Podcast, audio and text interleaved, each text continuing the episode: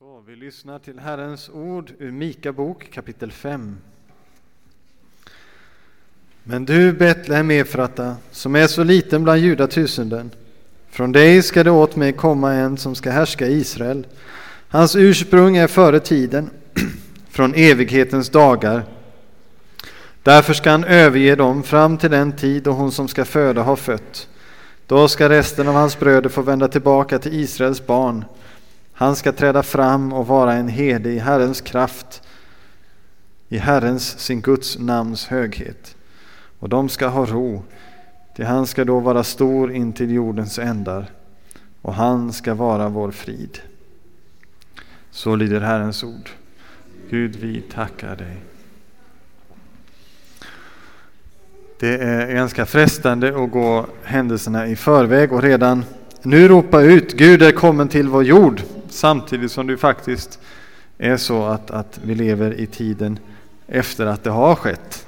Så kyrkåret ger oss en, en ram eh, för vårt år, varje år, så att vi lever med i frälsningshistorien år efter år.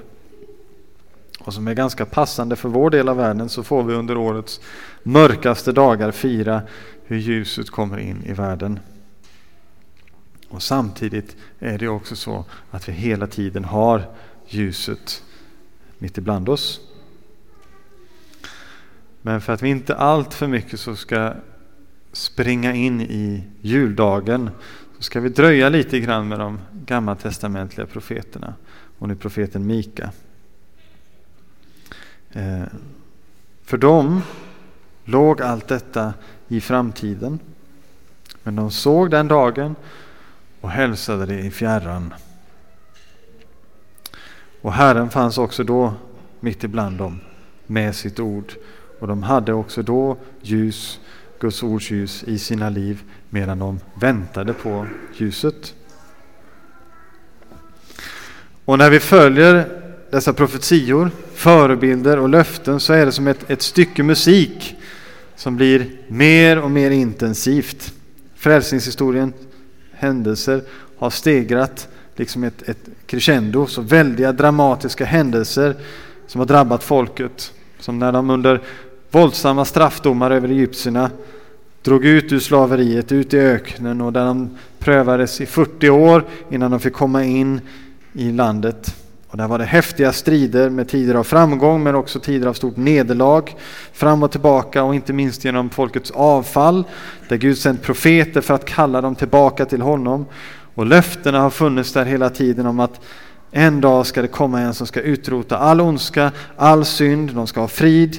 Det är Herrens dag som kommer, den stora och fruktansvärda och det byggs upp och det byggs upp och det byggs upp. Och just när man tänker att klimax ska komma så blir det tyst. Och det blir väldigt tyst. Så i 400 år är det tyst.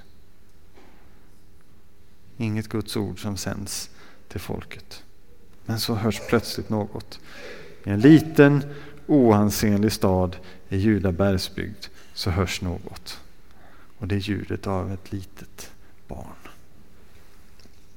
Han ska överge dem fram tills hon ska som ska föda har fött.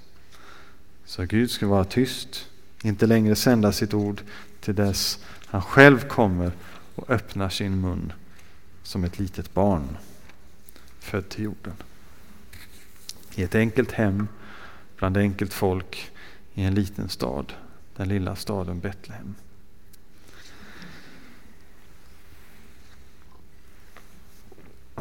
I Josua boks femtonde kapitel så hittar vi en, en lista.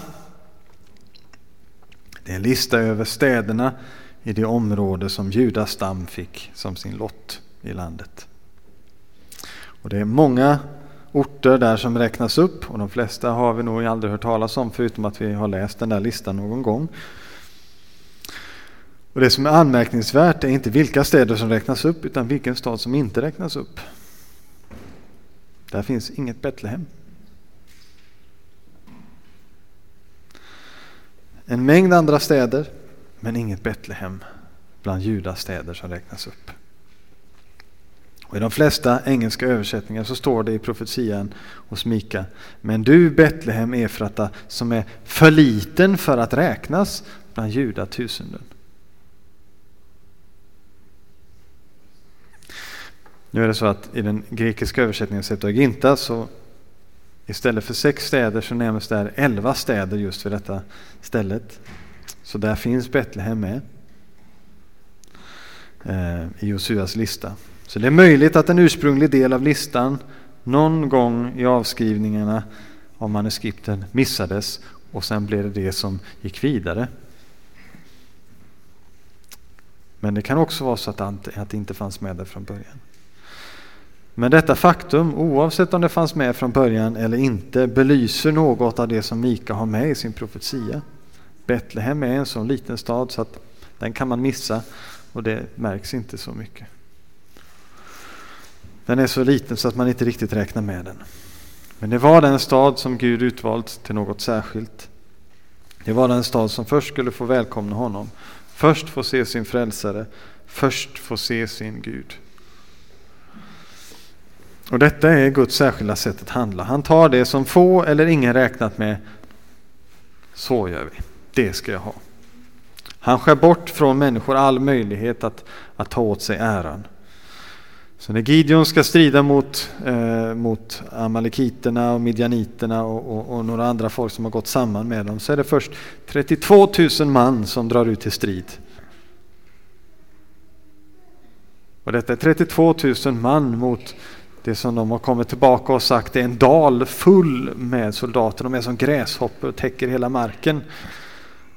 Så 32 000 man är fortfarande ganska lite mot den här Herren. Men Gud säger nej, det är för många. Och så blir de 10 000 när de som var lite för rädda fick vända hem. Och sen när de fick lägga sig ner och dricka ur en bäck så var det bara de som gjorde på ett särskilt sätt som fick vara kvar och då var de 300. Så 300 av 32 000 blev kvar. Mot en oräknelig skara. Men Gud ville göra det väldigt tydligt att det här beror inte på er utan det beror på mig. Och Det finns många, många fler exempel som skulle kunna ges. När Gud utväljer staden Betlehem att bli staden som Israels kung ska komma ifrån, kung David, så är det inte bara en, en oansenlig stad han utväljer, en liten, lite obetydlig stad. Han utväljer också den yngsta sonen i en familj med åtta bröder. Det var ganska anmärkningsvärt på den tiden. Och sen kom han från en släkt med den prostituerade hedningen Rahab och moabitiskan Rut. Moabiterna, som det står i femte Mosebok, inte ens ett tionde led ska komma in i Herrens församling. Och så sen upprepas också i eller krönikeboken, de aldrig ska komma in i Guds församling. Nehemja, kanske det. Nej, förlåt. Eh,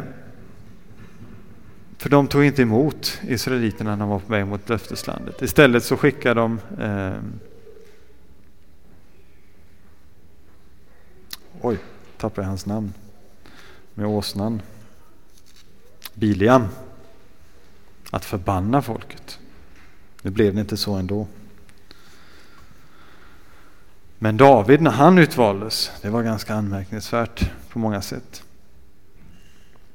Men det är att när Gud gör något stort så ska det inte lämnas något utrymme att människor, hos människor att ta åt sig äran. Det lämnas inget utrymme för, för eget beröm eller skryt på det sättet. Det går emot det mänskligt sett förväntade.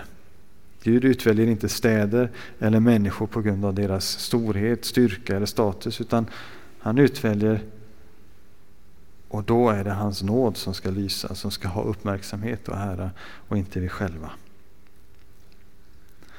När Maria utvaldes för att föda världens frälsare är detta tydligt. Ängelns första ord eh, lyfter fram Guds nåd. Gläd dig du som har fått nåd. Inte gläd dig du som är stor och mäktig eller du som varit så god och generös eller inte ens du som är så ödmjuk. Nej, Guds nåd är det hon kan glädjas över. Och det gör hon. Så Marias reaktion och hennes gensvar i sin lovsång är något för varje människa att ta efter. Min själ upphöjer Herren, min ande jublar över Gud, min frälsare, för han har sett till sin tjänarinnas ringhet. Och det är inte så att hon då lyfter fram sin ringhet som ett sätt att berömma sig, utan då missförstår vi henne. Det är Gud och hans nåd som hon har sin blick på och förundras över.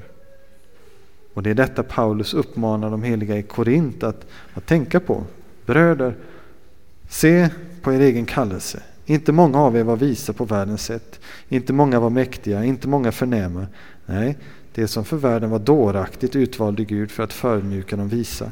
Och det som för världen var svagt utvalde Gud för att förödmjuka det starka. Och det som för världen var obetydligt och föraktat och inte fanns till, det utvalde Gud för att tillintetgöra det som fanns till, för att ingen människa ska berömma sig inför Gud. Tack vare honom är ni i Kristus Jesus. För oss har han blivit vishet från Gud, rättfärdighet, helgelse och återlösning. För att det ska bli som det står skrivet. Den som berömmer sig ska berömma sig av Herren. Tack vare honom är ni i Kristus Jesus. Tack vare Guds nåd. Så av nåden är ni frälsta genom tron, inte av er själva. Guds gåva är det. Inte på grund av gärningar för att ingen ska berömma sig. Detta är den stora julklappen, julens gåva. Betlehem, en liten stad som låg i skuggan av Jerusalem. Det var platsen som Gud utsåg till sin födelseort. När han skulle förverkliga sin stora frälsningsplan för hela världen. I Guds hand så är inget för litet eller obetydligt. Och i Guds hand är ingen för liten eller för obetydlig. Du är Betlehem. Inte utvald för din storhet, för din lydnad, inte för något som du kan hålla fram inför Gud eller andra människor och berömma dig av.